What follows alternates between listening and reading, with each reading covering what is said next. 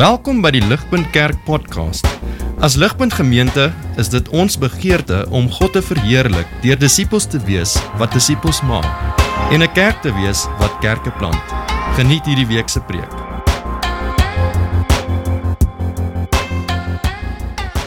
Wildsbok wat smag na die waterstrome, so smag my siel na U, o God.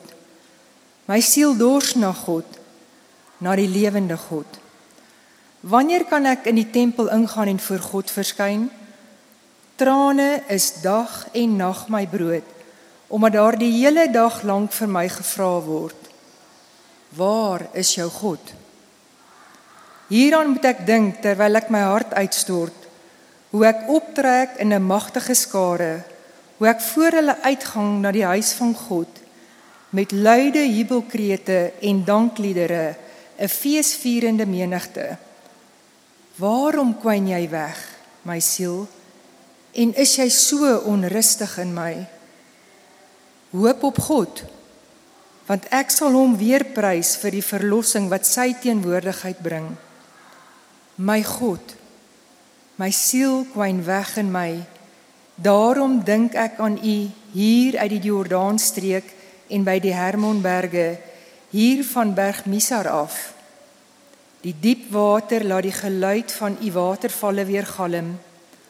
Al u duinings en golwe het oor my gespoel.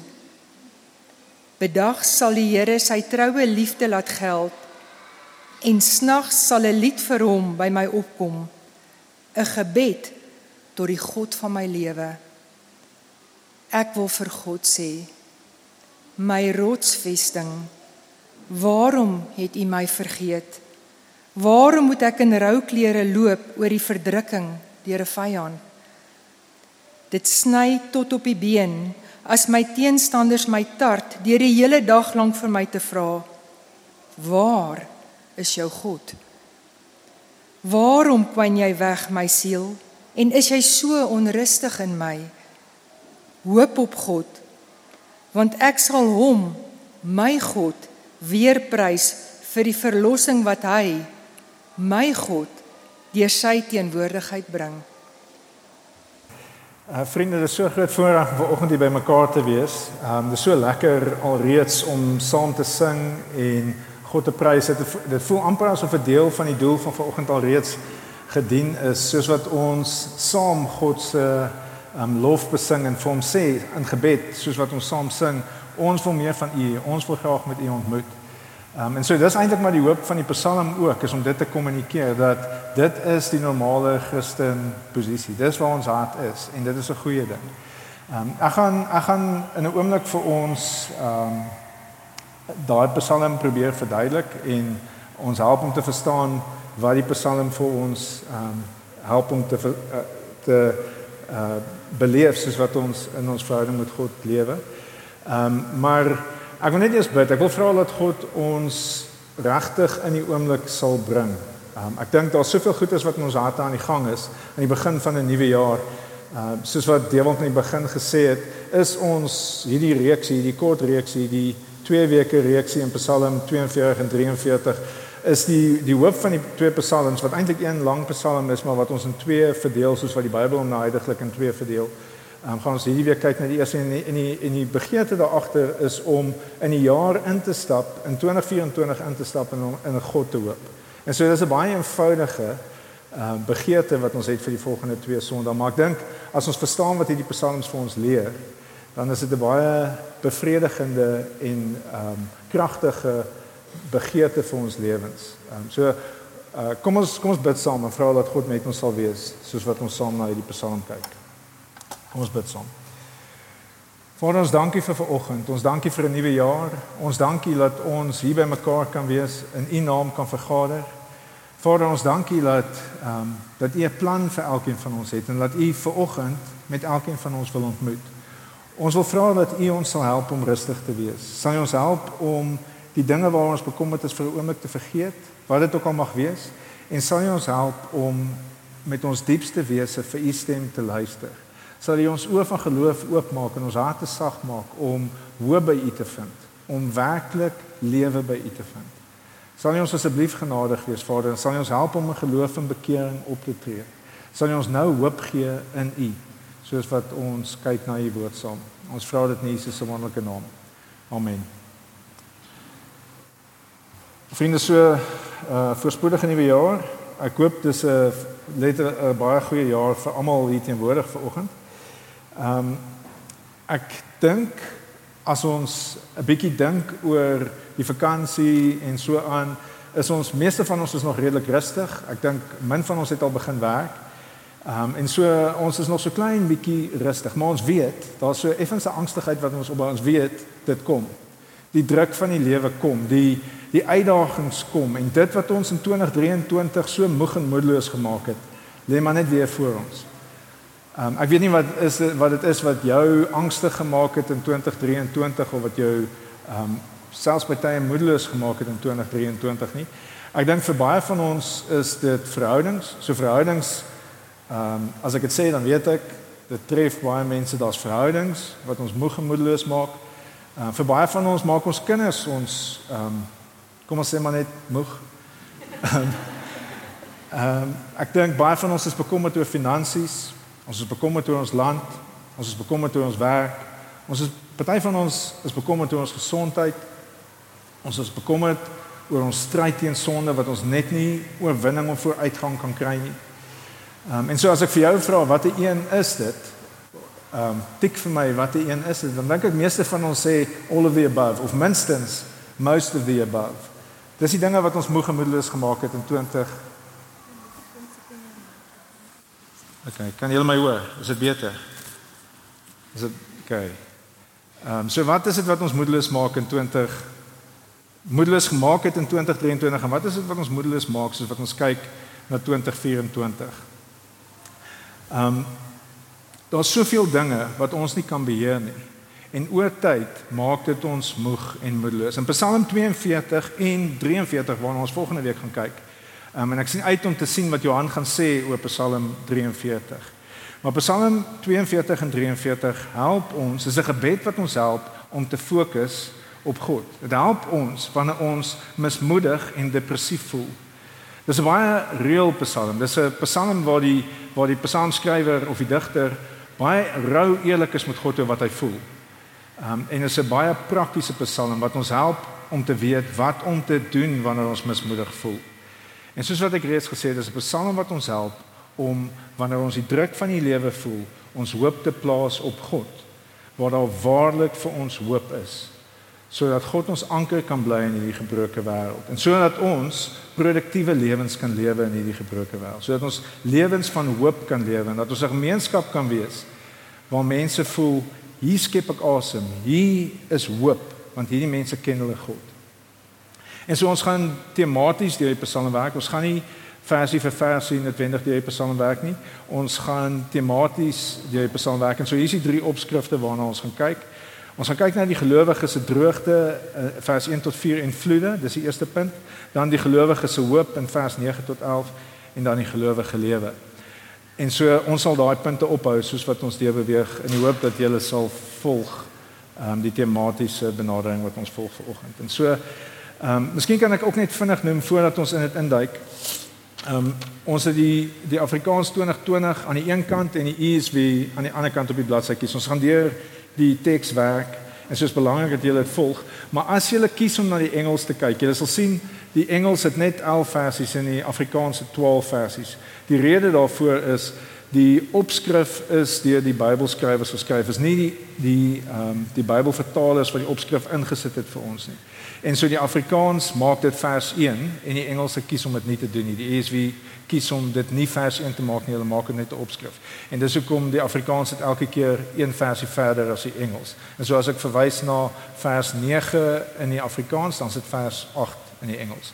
Net vir die wat ehm um, wat deur die Engels werk. Ehm um, vers 2, so vers 1 is die, is die is die opskrif. Dit gee vir ons 'n bietjie agtergrond oor waar die Psalm vandaan kom. Ehm um, Maar vers 2 is 'n baie kragtige prentjie. Dit is dit is die prentjie wat ons moet raak sien. So kom ons lees vers 2 weer saam. Dis die lied wat ons ook nou net gesing het. Soos 'n wildspok wat smag na waterstrome, Smag my siel na U, o God. My siel dors na God, na die lewende God. Wanneer kan ek in die tempele ingaan en voor my God verskyn? Die digter smag na God soos 'n wildsbok wat smag na water. Dis 'n baie kragtige prentjie. Ek weet nie wie van julle was al so dors dat jy vir hemelte teen jou jou tong teen jou hemelte vasplak nie. Wat jy net kan dink water. Al wat ek wil hê is water. Ek het water nodig. Baie keer as ons op 'n fiets ry en jy hardloop uit water uit en jy het nog so 'n uur reis toe, ehm um, dan al wat jy kan dink is water. Ehm um, en die, en die rede hoekom mens dink water, ek het water nodig is water gee lewe. Water ehm um, gee mense die idee dat jy kan voortgaan. Water is lewe. En nou die vraag wat ons onsself moet vra is het het jy al ooit so gevoel oor God? Het jy al ooit so 'n behoefte gehad vir God? Het jy al so gesmag na God?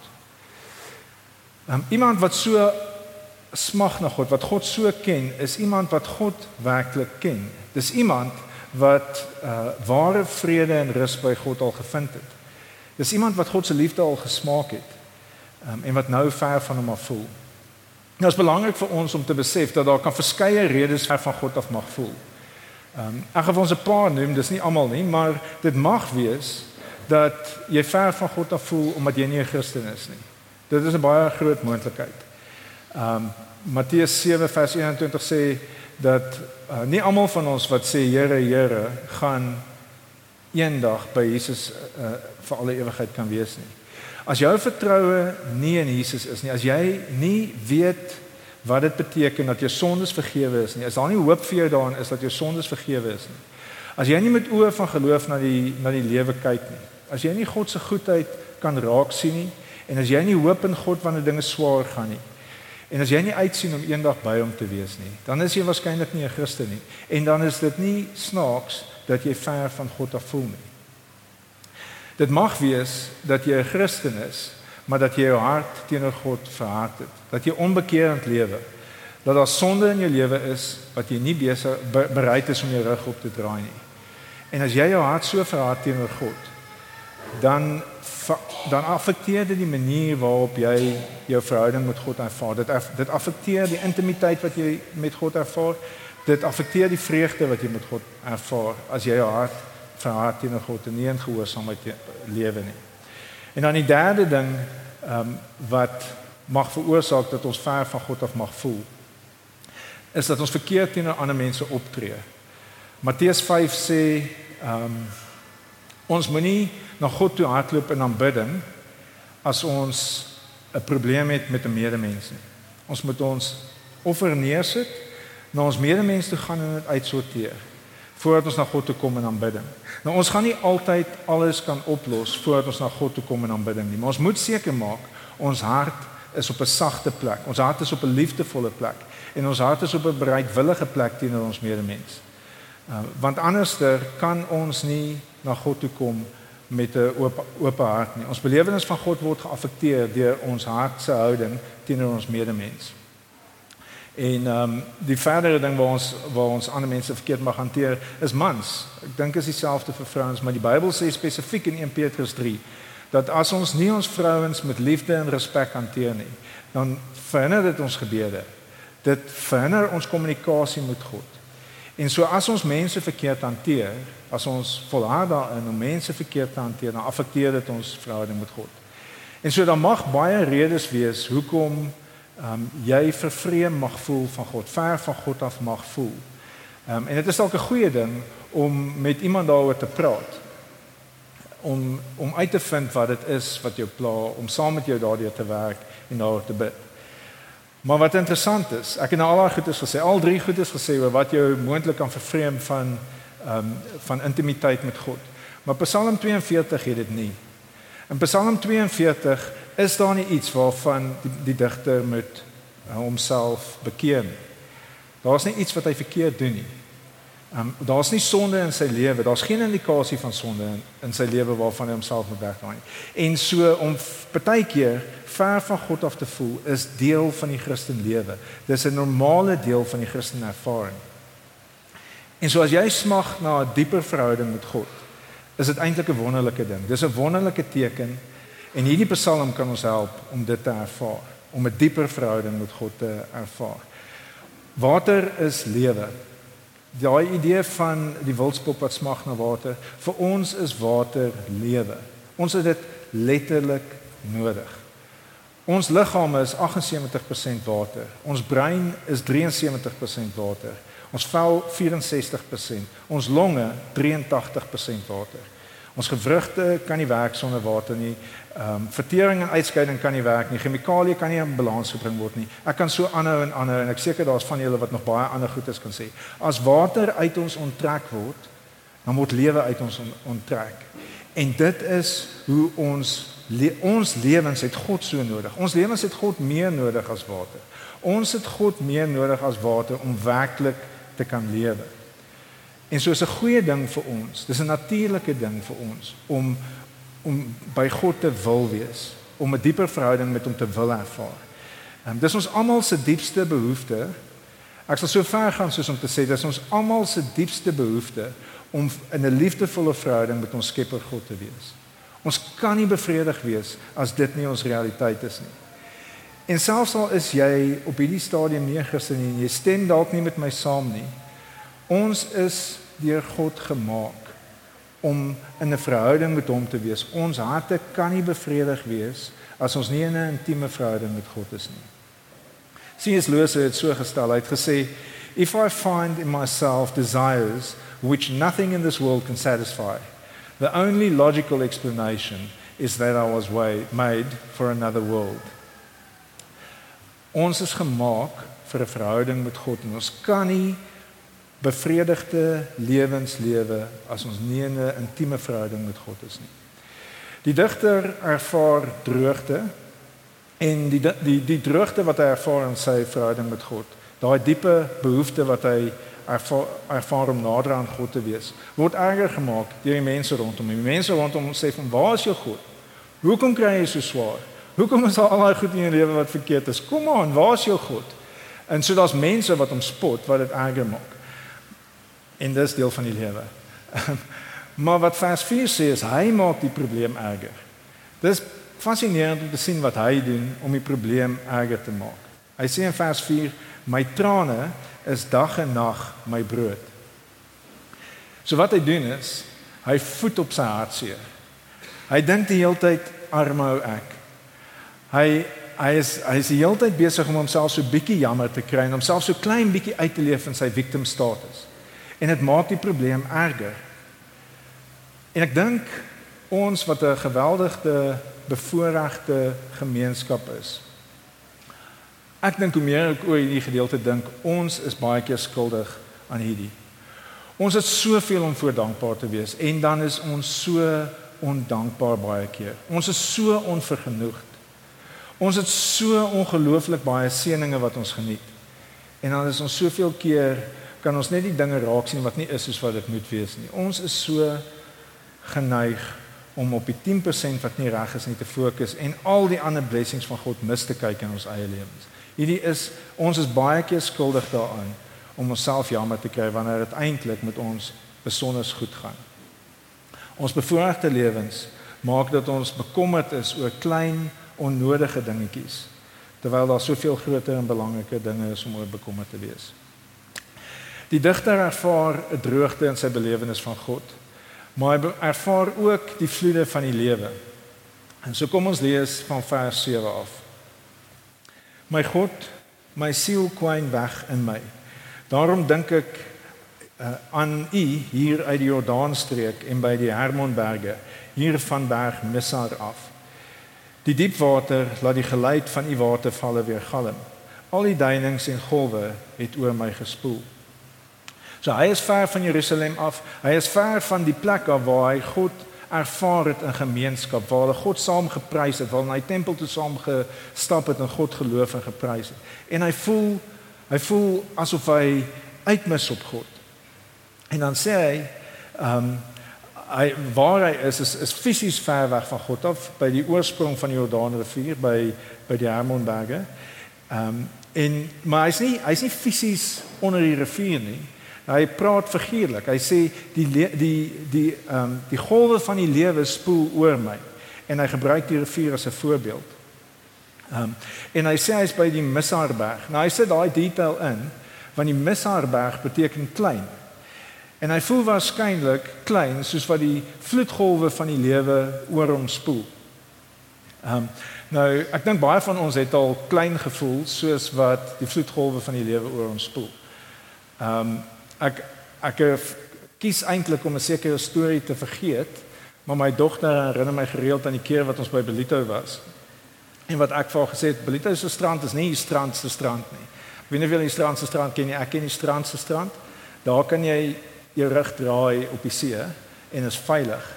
Ehm um, maar Belito is anderster. En ek het vir my dogter gesê, "Kom saam met my in die see in. Kom ons gaan swem. Jy sal veilig wees."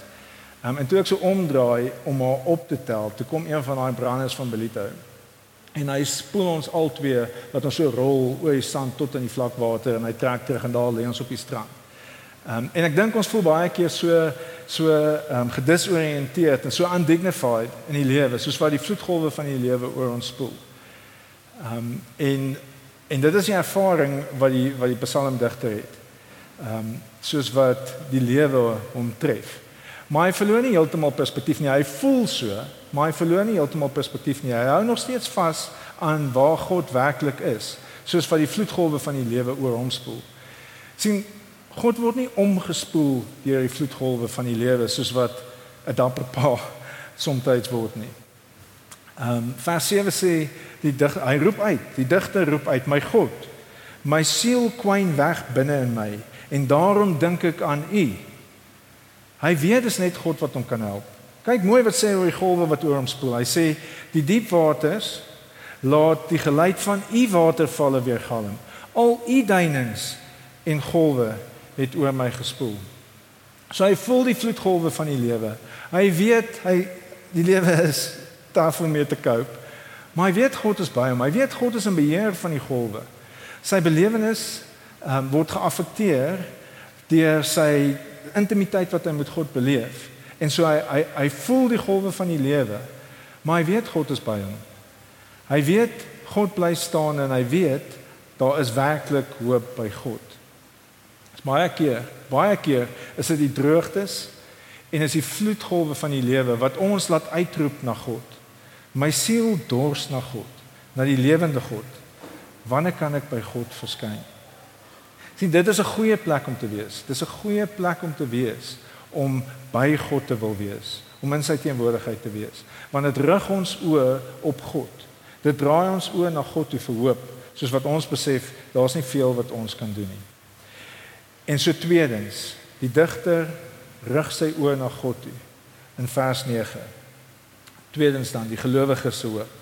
Nou as daar ooit 'n vers was wat ons kan memoriseer, wat ons vir onsself kan opsê, wat ons vir ons harte kan preek soos wat ons in die dag inloop, is dit vers 9.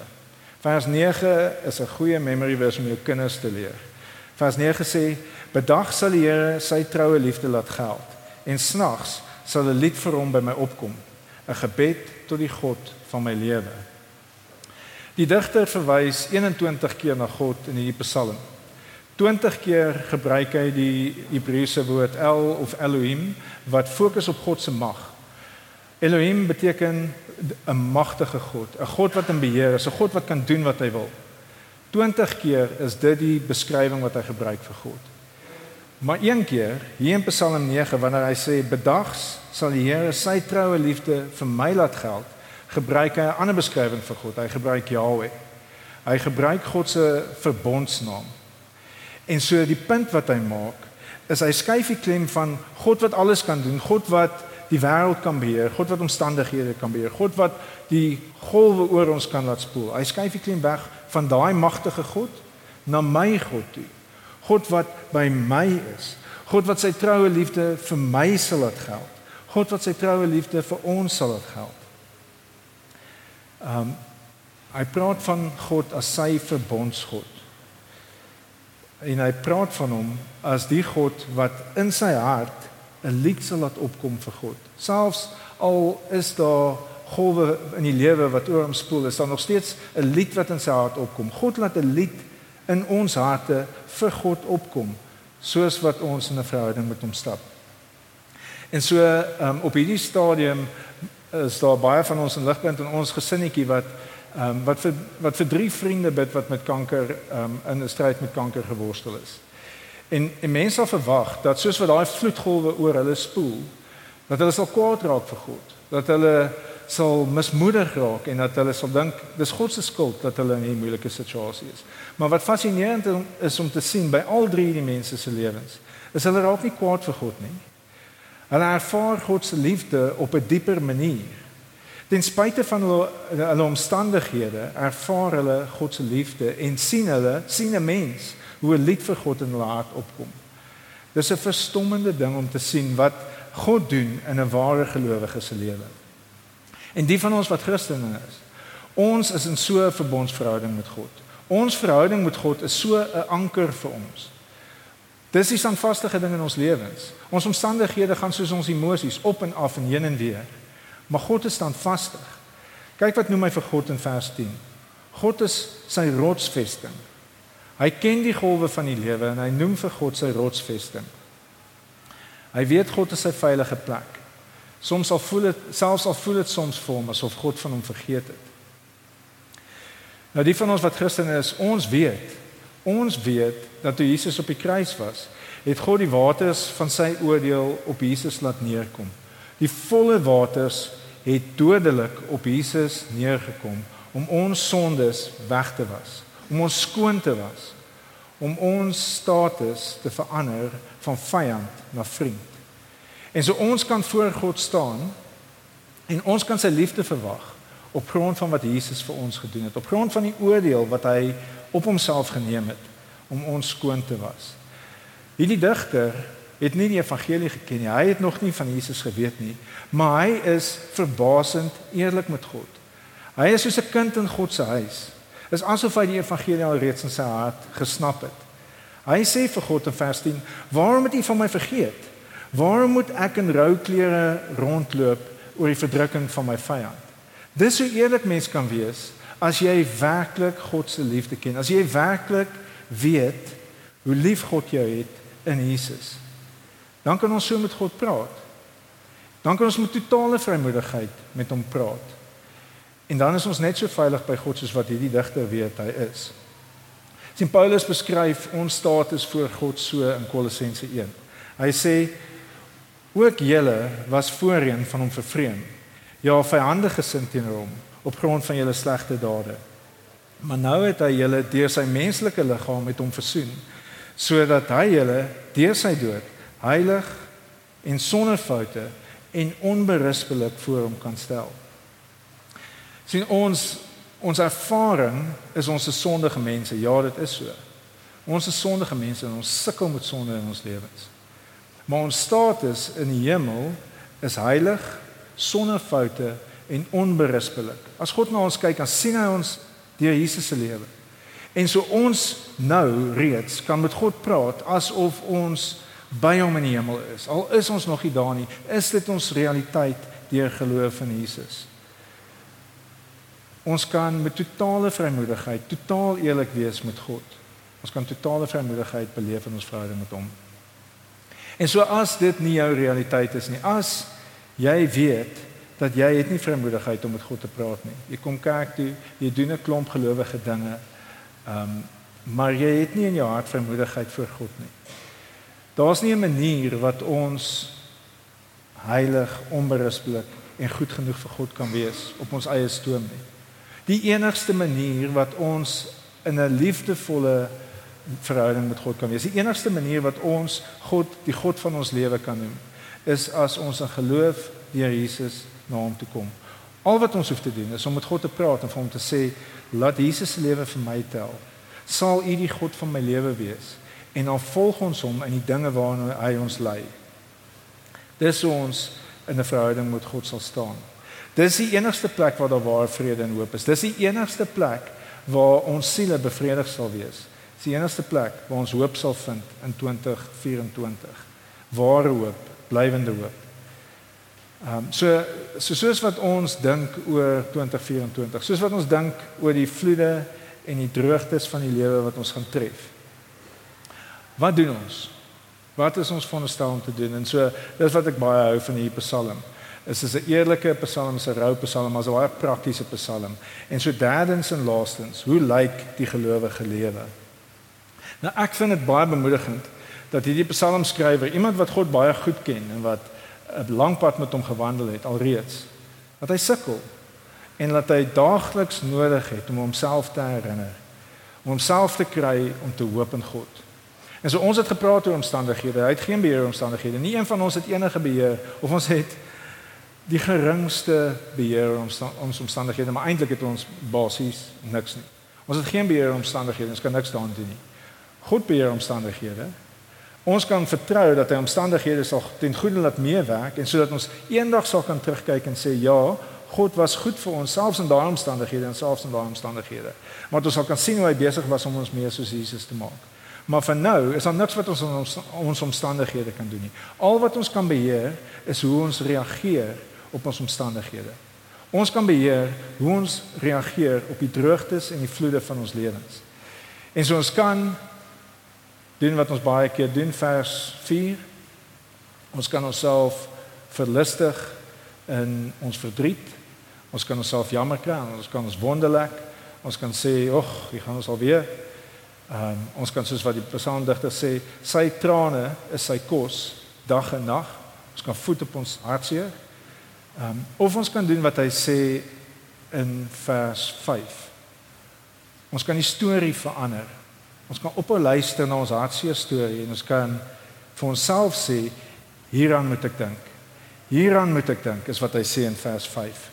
En dan dink hy oor God wat 'n verlosser is.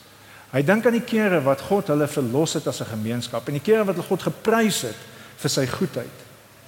En so ons as 'n kerk wil 'n kerk wees wat nie terugkyk en onsself 'n klein bietjie jammer kry nie.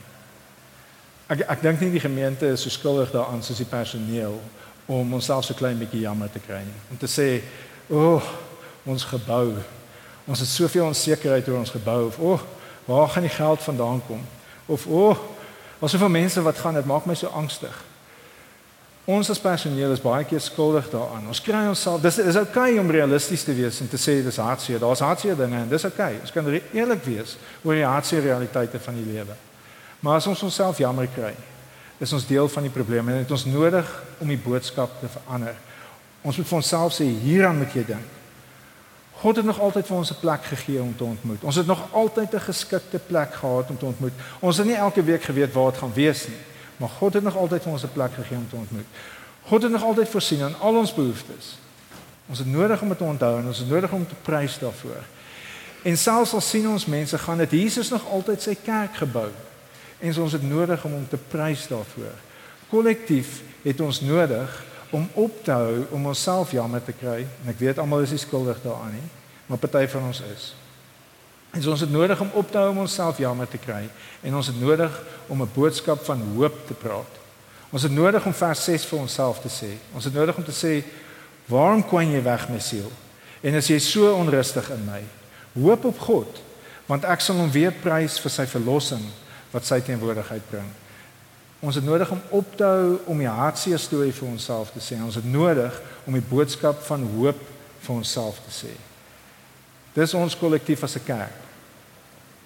En so persoonlik, soos wat ons kyk en benoud is oor 2024 en ek sê nie die lewe is nie moeilik nie. Ek sê nie die dinge waaroor ons bekommerd is, verhoudings, kinders, finansies, ons land, werk, gesondheid, stryd teen sonde, Ek sê nie daai goed is is nie reël nie. Daai goed is reël. Ek ken dit. Ek ken dit diep in my hart. Wat ek sê is ons het op ons het nodig om op te hou om te luister na dit, na daai ongelowige stemmetjie wat binne in ons die heeltyd praat.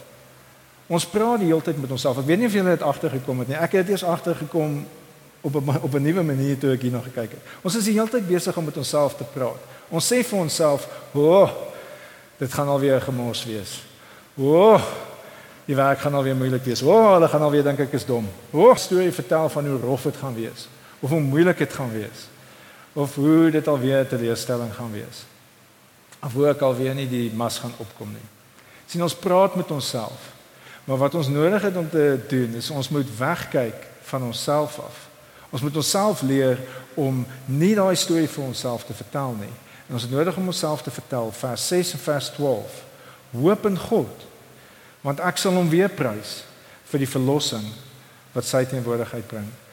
Ons geloof wat ons het in God bou ons geloof. Soos wat ons met onsself praat en onsself kry om ons hoop in God te sit.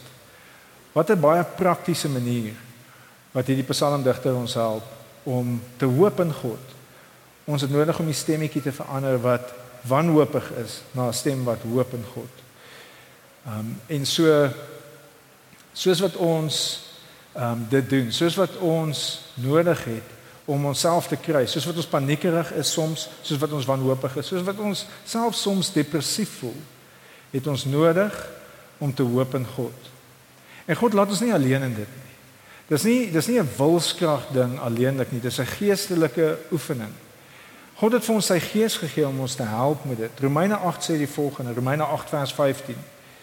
Julle het immers nie 'n gees ontvang wat verslawing bring sodat julle weer bang hoef te wees nie. Nee. Julle het die gees ontvang wat bevestig dat ons tot kinders aangeneem is. En deur hom geroep is, en deur hom roep ons Abba Vader.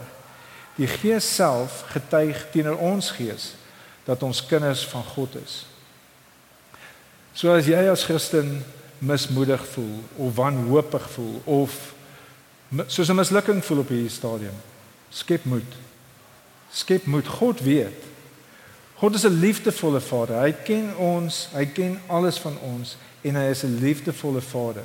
Ons het nie nodig om onsself in ons sokkies op te ruk nie. Ons het nodig om na God toe te kyk en vir onsself te sê, hoop in God. Daar's vir my verlossing. Daar God is in staat. God is nie net alleenlik Elohim, die magtige een nie. God is Yahweh, my God, my verbondsgod wat vir altyd en vir alle ewigheid by my sal wees en vir my sal wees. En so ek sluit vir ons af. Ons lewe nog nie in die wêreld waar ons eendag gaan wees nie. Ons is nog nie in God se teenwoordigheid konstant nie. Ons is nie in die nuwe hemel nie, ons is nie in die nuwe aarde nie. Ons lewe in 'n gebroke wêreld. Ons lewe met hoop in 'n gebroke wêreld. Ons ervaar droogtes en ons ervaar vloede. Ehm um, en soms kan ons klein en verward voel. Maar ons het 'n lewende hoop. Ons het 'n blywende lewende hoop in God. Vers 9 sê: "Bedags sal die Here sy troue liefde vir ons laat geld." Ons kan dit vashou. Ons kan vashou in die hoop dat God vandag sy liefde vir ons sal laat geld. En snags sal 'n lied vir hom by ons opkom. Ons kan in die aand dankbaar wees teenoor God. Ons kan in die aand vir God prys selfs al is ons wanhoopig en selfs al voel ons klein en selfs al is daar soveel dinge wat ons nie kan beheer nie. God sal 'n lied vir hom by ons harte laat opkom. En en hy sal ons God wees, 'n gebed tot die God van my lewe. Nou voor ek bid, ek wil graag hê ons moet ietsie onthou van wat ek vanoggend gesê het. En so um, ek wil 'n geleentheid gee vir ons om vers 12 of 6 of volgende week um, in vers 43 vir al die verse weer en so om daai verse te beoefen. En so ek wil 'n geleentheid gee vir jou om net vir 'n oomblik te vat en te, te sê vir jouself die vraag te vra waarom kwyn jy weg my siel en waarom is jy so onrustig in my? So vat die vat die tydjie en dink dalk aan drie goedes wat dit is wat jou die meeste angstig maak soos wat jy dink oor om nou huis toe te gaan of soos wat jy dink um, oor wat in volgende week gaan gebeur dalk môre as jy jou inbox check of um, vir die fans wat so ver vooruit kan dink dink oor wat oor 'n maand gaan gebeur wanneer jy kinders weer terug is by die skool en jaar waarvan jy lewe is weer aan die gang. Ehm um, en so dink oor daai goedes wat jou angstig maak. Ehm um, wees rustig, dink daaroor en dan doen jy die volgende. Jy antwoord jouself. Jy sê hoop in God vir elkeen van daai punte. Môre daai inbox, daai kontrak, daai projek, hoop in God. Uh, want ek sal hom weer prys vir die verlossing wat sy teenwoordigheid bring. En wat ook al dit mag wees, wat ook al die ding mag wees of die dinge mag wees wat jou angstig maak. Sê vir jouself, hoop in God, want ek sal God weer kan prys vir die verlossing wat hy bring. En dan sal ek vir ons afsluit. Ek gaan ons 'n paar oomblikke gee om dit te doen en dan sal ek vir ons afsluit. Kom ons bid saam. Die Here is my herder, ek kom niks kort nie. Hy laat my rus in groen weivelde. Hy bring my by waters waar daar vrede is. Hy gee my nuwe krag. Hy lei my op regte paaie tot eer van sy naam. Selfs al gaan ek deur donker dieptes, sal ek nie bang wees nie, want U is by my. In U hande is ek veilig. U laat my by 'n feesmaal aansit terwyl my teestanders met toe kyk. U ontvang my soos 'n eregas. Ek word oorlaai met hartlikheid. U goedheid en liefde sal my lewe lank by my bly en ek sal tuis wees in die huis van die Here tot 'n lengte van dae. Vader, ons dankie dat ons U Vader kan noem. Ons dankie vir Jesus se lewe, ons dankie vir Jesus se opoffering. Ons dankie vir U troue liefde wat elke dag met ons is. Vader, ons bid dat ons in hierdie jaar soos wat ons die droogtes van die lewe ken en soos wat ons die vloede van die lewe ervaar. Help ons om aan U vas te hou. Help ons om nie onsself jammer te kry nie. Help ons om nie weg te kwyn nie. Um, maar aan U vas te hou en by U ons hoop te vind. Vader, help ons om met onsself te praat en vir onsself te sê hoop in God. Help ons om in U te hoop, Vader. Help ons, maak ons sterker. Maak ons dieper in ons verhouding met U. Help ons om werklik vir U te dors, nie oppervlakkig deur gewoontes te gaan nie, maar werklik strome van lewende water in ons verhouding met U te ervaar. Vader, dit is die dit is die heel beste ding wat in hierdie bestaan met ons kan gebeur. Om werklik U liefde te ken en U teenwoordigheid te ken. Help ons om lewens te lewe wat U prys, omdat ons U goedheid en U guns ken, selfs al gaan dit swaar. Help ons asseblief in hierdie jaar, Vader, pleit ons by U. Ons vra dit in Jesus se naam. Amen. Vir meer inligting oor Ligpunt Kerk, besoek gerus ons webwerf op www.ligpunt.com of kontak ons gerus by info@ligpunt.com